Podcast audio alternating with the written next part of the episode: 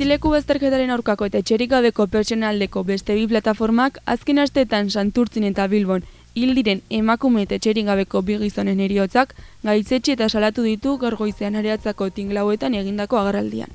Hauxe beste bi plataformak azaldu duena. Joan den astean, emakume bat hilda gertu zen Santurtziko parke batean.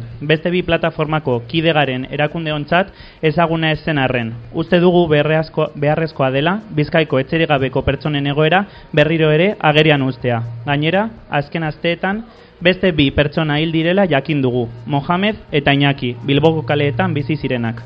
Bestalde, beste bi plataformak salatu du etxerik gabeko pertsona bat gure lurraldeko kaletan hiltzen denean, porrota kolektiboa dela, eta ez dituztela hiru pertsona horien eriotzak saieste zinak bezala onartuko. Gainera dierazi dute plataformak uko egiten diola ez gertatu izan ez balitz bezala aurrera jarraitzea.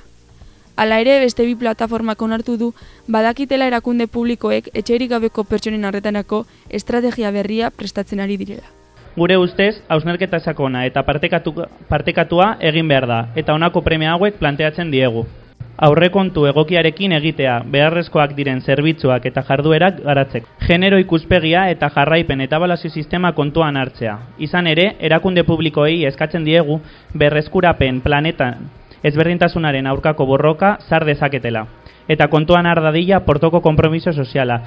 Horietaz gain, irugarren sektorea kontuan eduki behar dutela eta lurraldeko leku desberdinetara egokitutako estrategia izan behar dela gehitu dute.